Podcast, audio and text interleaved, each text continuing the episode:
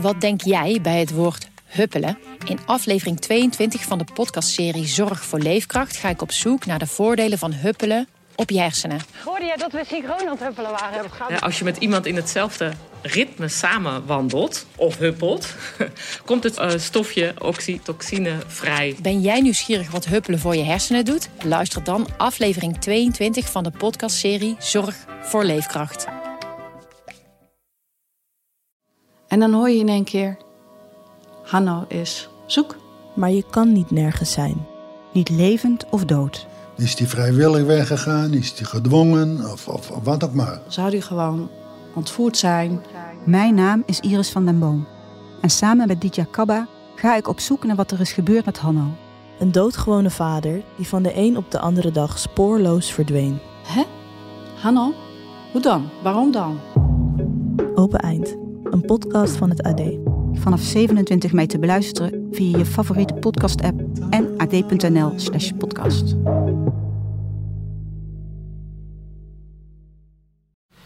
Je wordt beoordeeld op hoe je eruit ziet.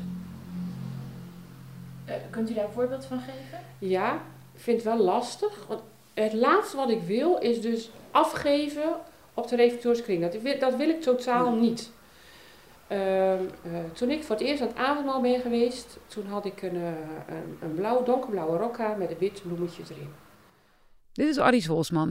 We hebben haar al eerder ontmoet op de Revo Camping uit aflevering 1. En nu zijn we bij haar thuis in Enter. Arrie ging naar een ritueel in haar kerk, het avondmaal, omdat zij bekeerd is. Tenminste, ze gelooft zelf dat ze bekeerd is. En toen hebben we dus.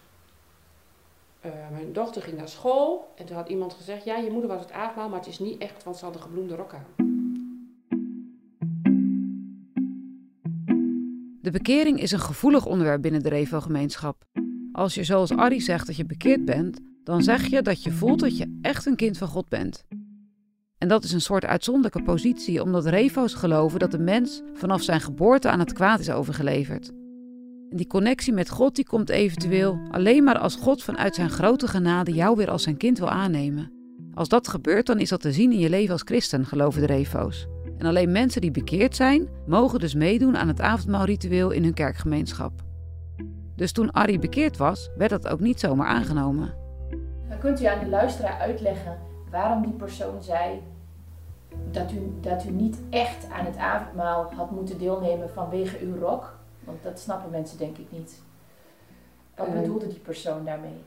Um, in de Reformatorische kerk, als je aan het avondmaal gaat, dan ga je met gedekte kleuren. Dus dat is uh, blauw, zwart, grijs, zeg maar, of uh, donkerbruin. In ieder geval donkere kleuren.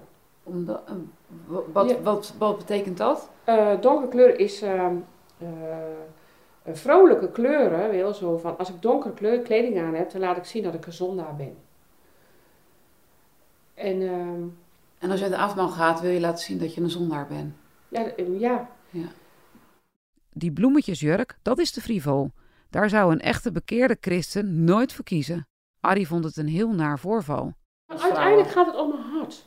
Weet je wel, zo van, als bij, ik zie gewoon, en dat, dat, daar kan ik echt verdrietig van worden. Heel zo van dat mensen van, ze voldoen, lange haren, de kleding is oké, okay, uh, het leven is oké. Okay. Maar hoe is je hart? Heb je je hart aan Jezus gegeven? Dat vind ik echt het allerbelangrijkste in het leven. De gemeenschap verwacht een soort wonder of een radicale omslag in iemands leven, als iemand zegt dat hij bekeerd is. Maar voor ons blijft het toch nog wel een beetje mistig wat dominees dan precies verwachten van een bekering. Het is de reden dat mensen er weinig over praten, zegt Lianne, het nichtje van Arie. Ja, omdat er misschien ook wel een stukje onzekerheid zit. En ja, wie ben ik om dan te stel dat je van jezelf gelooft dat je een kind van God bent. Ja, dan kan je zelf wel geloven, maar is dat wel echt zo? En als je dat gaat delen, dan kunnen andere mensen er ook een oordeel over hebben. En dat is iets heel kwetsbaars natuurlijk. Uh, en je, je ziet ook dat er nog steeds een oordeel, dat mensen er een oordeel over hebben. Er zijn kerken dat als je aan het avondmaal gaat en dus eigenlijk openlijk beleidt dat je een kind van God bent, dan krijg je na na de tijd bezoek. En hoe dat dan zit en of dat allemaal wel echt is.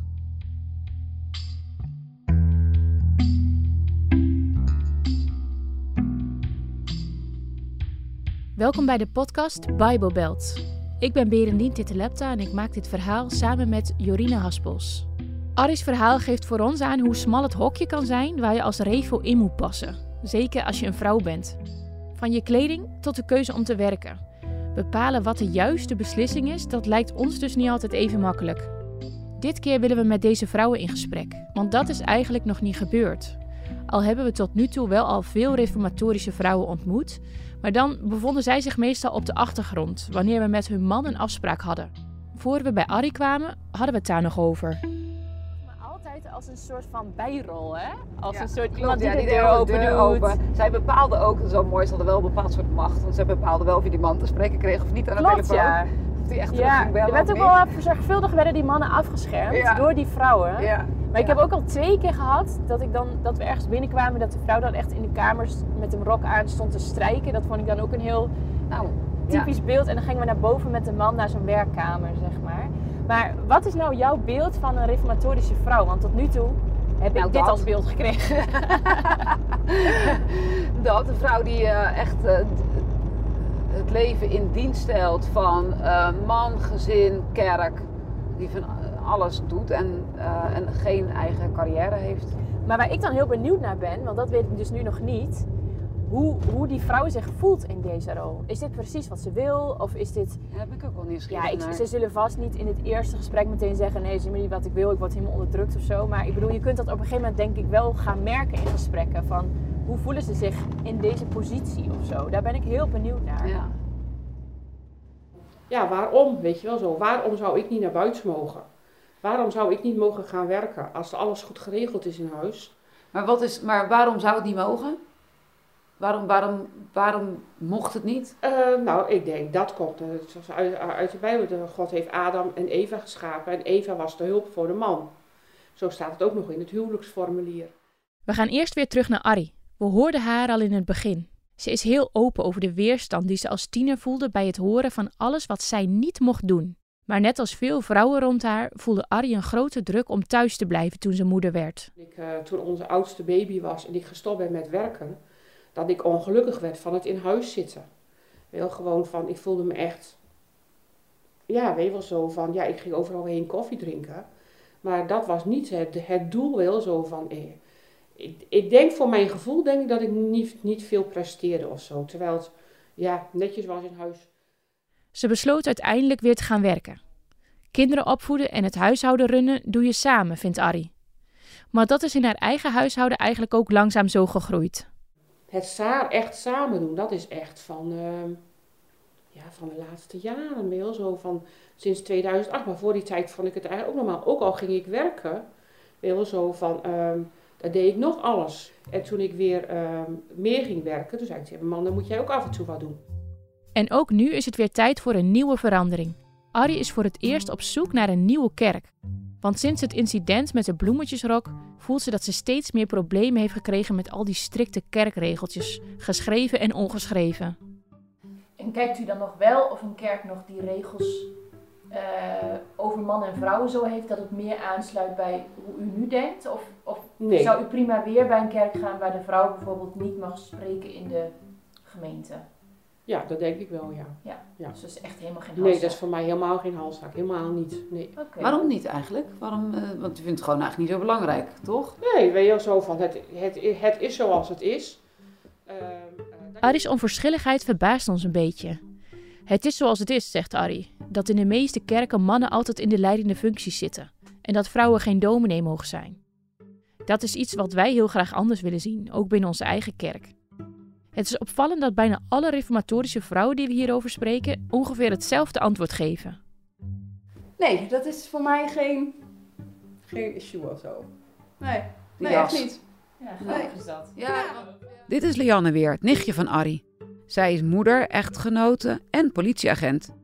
Dat in kerkenraden alleen mannen zitten is gewoon zo, zegt zij ook. Dat ze alle beslissingen nemen wanneer er een schandaal of een scheiding plaatsvindt. En dat vrouwen alleen taken uitvoeren die door mannen beslist worden. Ik vertel Lianne over mijn frustratie hierover. Mijn man zat ook in de kerkenraad. Maar ik moet zeggen, bij mij gaat het steeds meer knellen. Want ik zit zelf ook in een kerk waar nu nog de mannen de beslissingen nemen. En ik vind het steeds een steeds gekkere situatie worden. Ja. Ja, het past ik heb het ook altijd heel lang Ja. zo. Ik ben, natuurlijk, ik ben in diezelfde traditie opgegroeid. Dus Ja. ik ben ook heel eh, erg van, nou ja, goed, het, eh, op de kant staat een man. En in die, in die banken daar zo vooraan, daar zitten mannen in een, eh, Ja. in, in een donker pak. En dat gaat mij steeds meer wringen. Want dan denk ik, het zijn die mannetjes. En ik kan natuurlijk thuis mijn eigen man Ja. influisteren wat hij moet eh, zeggen. Maar ja, die zeggenschap is nu ook voorbij, want hij stopt er eh, na zondag mee. dus dan, ja, wie moet ik dan in Ja. gaan fluisteren? Ja. En dat, is, een- dat vind ik dan gek. Ja. Leanne zegt dat zij vroeger een stuk opstandiger was. Maar ik was zelf altijd wel, eh, ook wel een beetje van, eh, waarom moet dat dan? Wel? Waarom, waarom zou ik nou naar een man moeten luisteren? Ik, wil wel, dat, dat, ja, schot, daar schot ik niet echt tegen aan.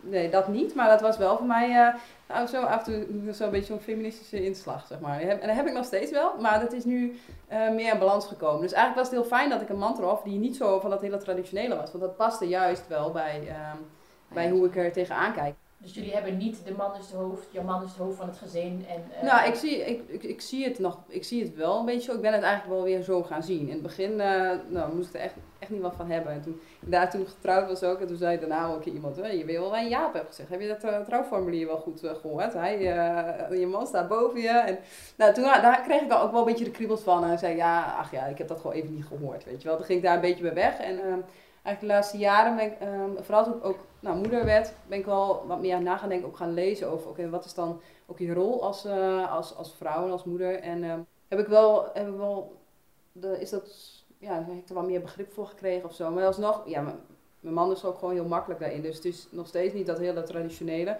Maar we hebben wel tijd wel- terug gehad dat er een keer wat was. En dan, nou ja, we, we, nou, moesten een keuze maken. En dat ik uiteindelijk zei, weet je, ja, kies jij maar. En toen kon ik dat ook gewoon echt aan hem overlaten. Ik dacht van, ja, weet je, bij, ja, jij kan de eindverantwoordelijkheid nemen. Dat, eh, dat kan ik dan ook gewoon prima bij hem neerleggen. En daar had ik voor mezelf ook vrede mee. Dat ik dacht van, weet je, oké, ik ga hier nu even niet over. Neem jij de eindbeslissing maar. Deze houding is iets waar ik moeite mee heb. Ik ben getrouwd en heb kinderen, maar ik wil ook gewoon mijn eigen beslissingen kunnen nemen. En ik heb het gevoel dat deze vrouwen in hun positie altijd een gezagslijn zien, dat er altijd iets hiërarchisch in zit. Ik ben ervan overtuigd dat als ik de Bijbel lees, dat die ongelijkheid tussen mannen en vrouwen helemaal niet zo bedoeld is.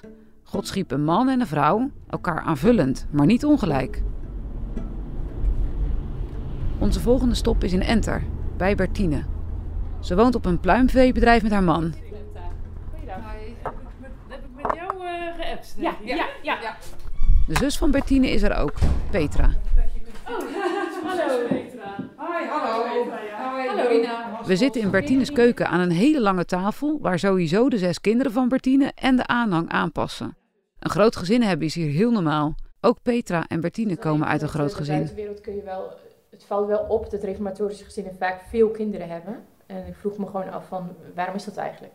Ik, wist, ik weet eigenlijk helemaal niet van waarom is, dan? Ja, ik denk wel dat er wel een, een zekere. eh, eh, ze, ze, ze gaan niet zo makkelijk om met, met dingen als eh, voorboedsmiddelen en zulke soort dingen. Dat ligt toch een beetje een, eh, een drempel op, denk ik. eh, Nu ook in nog onze wel? gezinnen.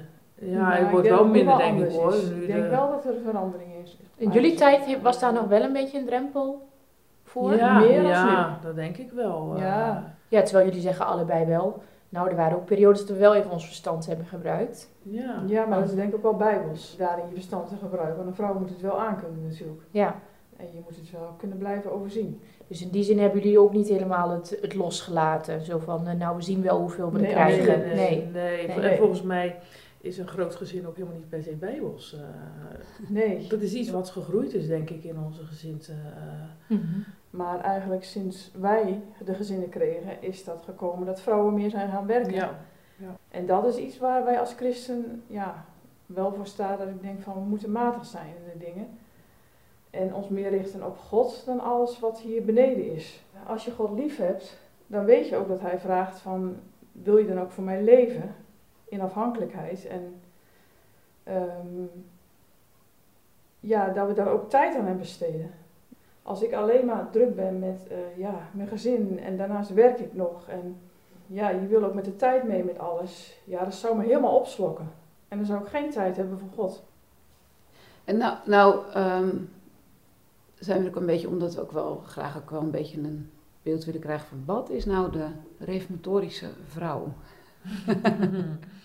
Kunnen jullie daar een beeld van schetsen wat in jullie, wat jullie, zeg maar, wat eigenlijk zo'n vrouw typeert? Wat, wat, wat voor beeld komt er dan op? Titus 2 vrouw, toch? Hè?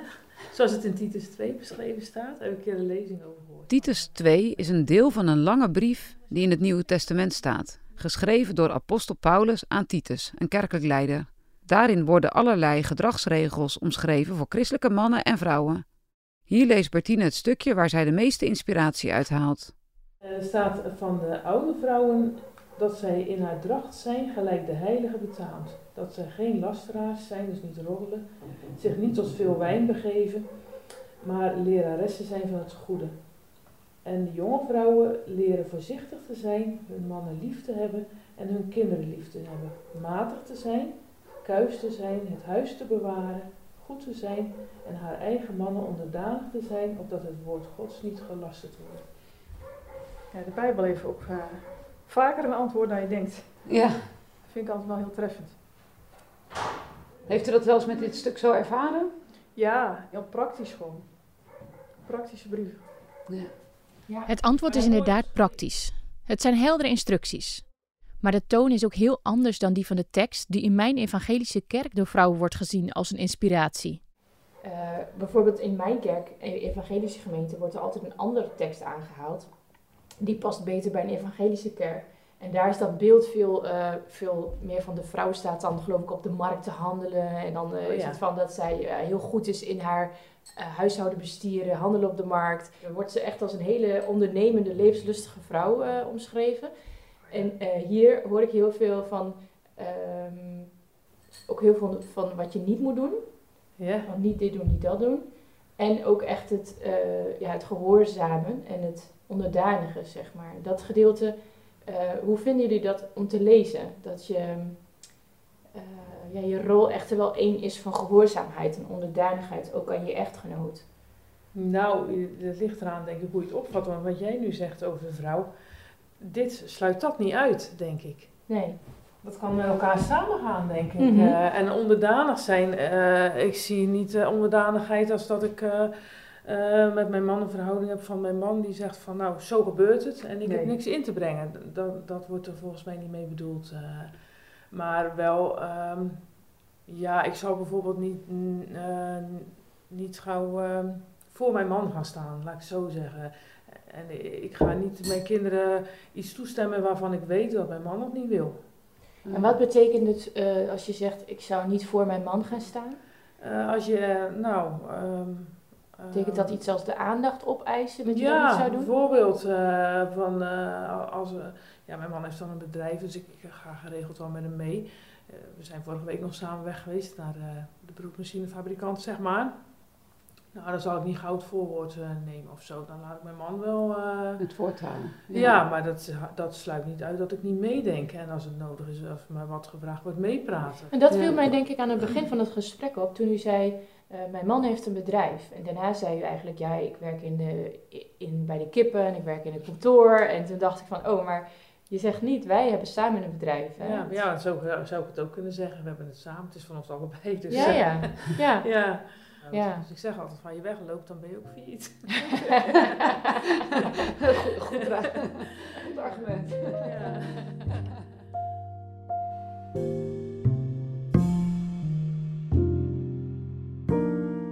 Petra en Bertine zijn mooie, sterke vrouwen. Eigenlijk passen ze erg goed in de beschrijving van wat een goede vrouw is uit Spreuken 31, die Bijbeltekst waar ik het eerder over had. Het is een tekst die Jorina en ik allebei erg mooi vinden. Luister maar eens naar dit stukje.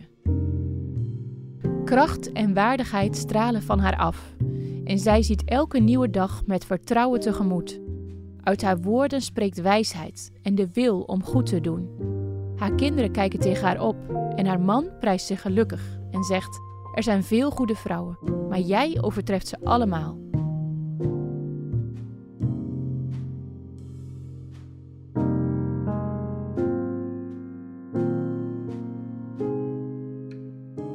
Een dag later gaan we naar de meest bekende Bijbelbelplaats van Nederland, Staphorst. Hier beginnen? Zal ik beginnen?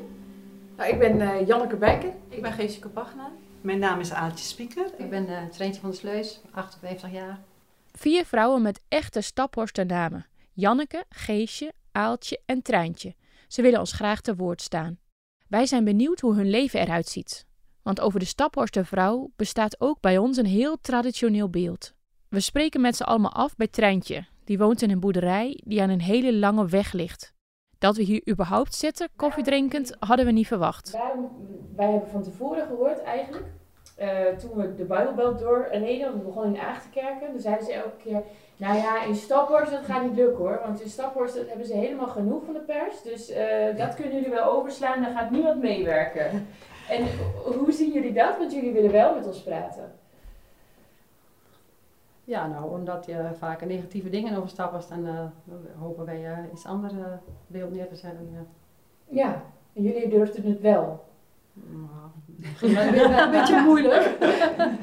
een beetje zenuwachtig. maar- Ja, dat zijn we net ook wel. Maar ook doordat we, we zeiden als we het samen gaan doen, eh, dan voelt het niet zo heel persoonlijk, zeg maar. Dat is ook al iets. Maar niet dat je altijd elkaar nodig hebt, maar ook wel van, eh, nou dat gezegd, nou hoe, hoe zien jullie dat, je positie? En dat wij het ook meer zien van ehm, het mooie wat God ons geeft in het vrouw zijn, in plaats van het ja, ja, minder mooie.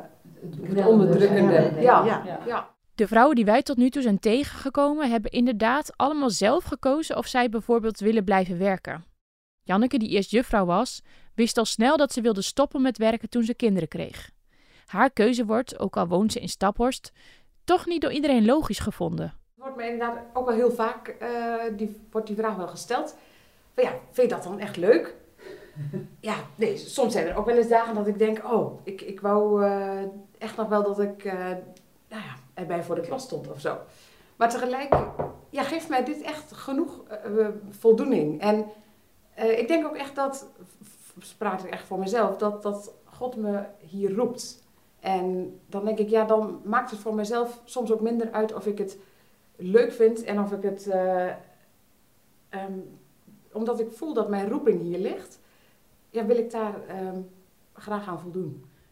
De 50-jarige Aaltje is de enige dame met een baan. Ze werkt als juffrouw op een reformatorische basisschool en doet daarnaast kinderevangelisatiewerk in Den Helder. Ze is vrijgezel en als enige van haar twaalf broers en zussen woont zij nog bij haar ouders. Tegenkomt. Maar wil je dat vertellen, hoe dat is gegaan of hoe jij daarnaar kijkt of hoe dat is? Ja, dat wil ik wel eh, proberen. Eh, het is niet echt een bewuste keuze, maar ik zie het meer dan dat het Gods weg is, dat het zo geleid is en dat Hij mij eh, deze taak gegeven heeft tot hiertoe. Dat ik eh, met kinderen bezig mag zijn en dat ik ja, op de achtergrond als het ware mee mag helpen kinderen opvoeden. En hoe de vraag van hoe kijken anderen daar tegenaan, ja, krijg ik eigenlijk geen eh, vervelende vragen over, maar ja, het is wel de gewone gang van het leven normaal dat een vrouw trouwt. Dus kinderen vragen wel eens gewoon aan mij van, en wie is uw man dan? En heeft u dan geen kinderen? Ja, dat is wel een logische vraag en dat snap ik ook. En dan zeg ik ook wel eens van, ik heb geen man. Oh nee, nee, de Heere vond het beter dat ik alleen bleef. Die tevredenheid met hoe het leven is, dat horen we veel. Een acceptatie van alles wat op hen afkomt, zonder te twijfelen aan Gods bedoelingen. Maar zo makkelijk als dat uitgesproken is, is het niet altijd in de praktijk. Is die, is Ja. die ervaring echt zo, zo makkelijk? Of? Nee, natuurlijk, daar, daar, is ook, daar gaat ook heel veel leed gepaard. En het alleen zijn is voor sommigen echt heel zwaar. Ik ik denk ook wel verschil in wat voor werk- en familiesituatie je zit. Dus er zijn er ook echt wel die alleen zijn en die daar ook echt wel onder kunnen lijden. Waar het ook heel, die ik het meer gun dan mijzelf, dat ze een levensgezel mogen vinden. Ja. Ja. De vrouwen realiseren zich hoe niet-christenen naar hen kijken, alsof zij niets te vertellen hebben. Ik heb het idee dat misschien de buitenwereld ook al vaak denkt dat, dat je als reformatorische vrouw eh, een heel eh, onderdrukkend leven leidt en dat de man heerst in huis of zo. Nou, ik, ik zie dat van, van huis uit helemaal niet en ervaar dat nu ook helemaal niet zo. Ik denk juist dat, dat er ja, gewoon verschil is in, in, in de taak van de man of de taak van de vrouw. Maar ehm, als er bij ons een beslissing genomen moet worden, is het niet dat, dat ik eh, eh, stil blijf wachten tot mijn man ehm, misschien iets beslist heeft. Dan is het juist van, je overlegt dat samen. En dan uiteindelijk het, het eindoordeel bijvoorbeeld, dat, dat zou dan mijn man geven. Zo gaat het ook bij het stemmen voor de kerkenraad. Alleen de man mag daarvoor stemmen, maar voor de vrouwen voelt dat niet zo. Ja, dat is bij ons ook zo. Ja. Ja. Daar heb je het gewoon samen over, ja. Ja. Ja. En uiteindelijk stemt hij wel natuurlijk, maar je hebt het wel samen over, ja. Mag ik vragen, vindt u dat niet wel eens vervelend, dat dan die man alleen stemt? U bent toch ook iemand van eh, vlees en bloed en eh, met een Nee, eigen... dat vind ik niet eh, vervelend of zo niet, nee. Nee, dat vind ik eh, prima, omdat je er wel samen over hebt, ja. En misschien zie je daarin dan ook alweer dat je ja, tevreden bent met, met de, de, de plaats die je hebt. Ja, dat is alleen eigenlijk maar mooi, ja, dat, dat, is, eh, dat je er gewoon kunt zijn voor je kinderen en niet die stress hebt van, eh, oh ik moet dit en ik moet dat. Net als zoals jij zei, ja, je moet, dan moet je zoveel dingen eh, doen. Ja. Ja. maar ik bedoel ook juist in het, in het nemen van beslissingen dat de man dat misschien uiteindelijk naar buiten brengt, bijvoorbeeld op een stemmingsvergadering. Ja, prima. Deze vrouwen zijn tevreden met hun plek, dat geloof ik echt. Buiten praten we nog even na. Ik ben me dan wel bewust van de schaduwzijde van deze gemeenschap, maar door dit laatste gesprek wordt het mij dan toch weer duidelijk dat deze wereld ook heel veel comfort geeft. Maar ik snap wel waarom heel veel mensen die er zijn uitgestapt toch altijd nog een beetje de, die dat heimweegevoel hebben naar die het warmte. gezellige Oh ja. revo-leven, zeg ja. maar. Ja, ik heb het helemaal niet. Nee, ik heb altijd nog steeds het gevoel... Als je goed in die bubbel past, weet je, zoals Eusine de Rogendijk het aan het begin ook vertelde, dan heb je het echt een heel warme gemeenschap. En zoals John Lepré vertelde en zo, dan is het lekker warm in die gemeenschap. En heel fijn en veilig. Je hoeft niet veel na te denken. Maar als je daar een beetje tegen aanschopt, ik vind het altijd een beetje benauwd. Dat had ik vandaag met die vrouwen ook weer. Ik vind dat toch benauwd.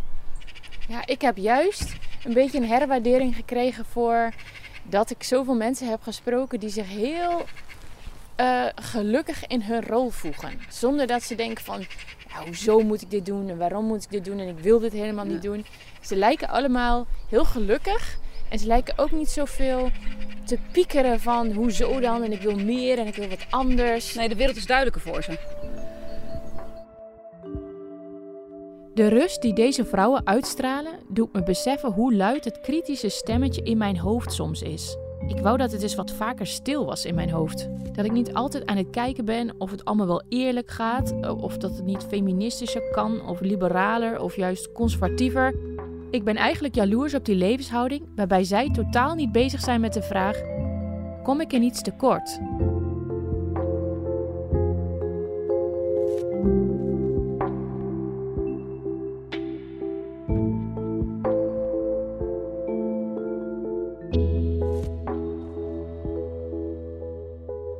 Dat niet alle refo's zo vredig en accepterend door het leven gaan, horen we in de volgende en laatste aflevering van onze podcast. Er is een groep christenen die steeds rechtser en radicaler wordt.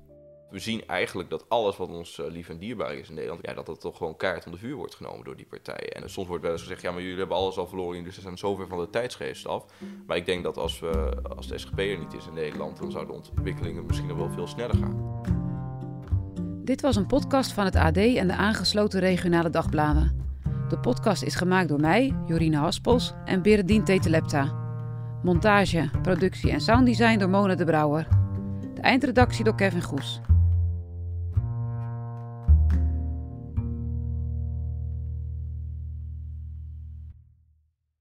Mijn naam is Willem Hinskens.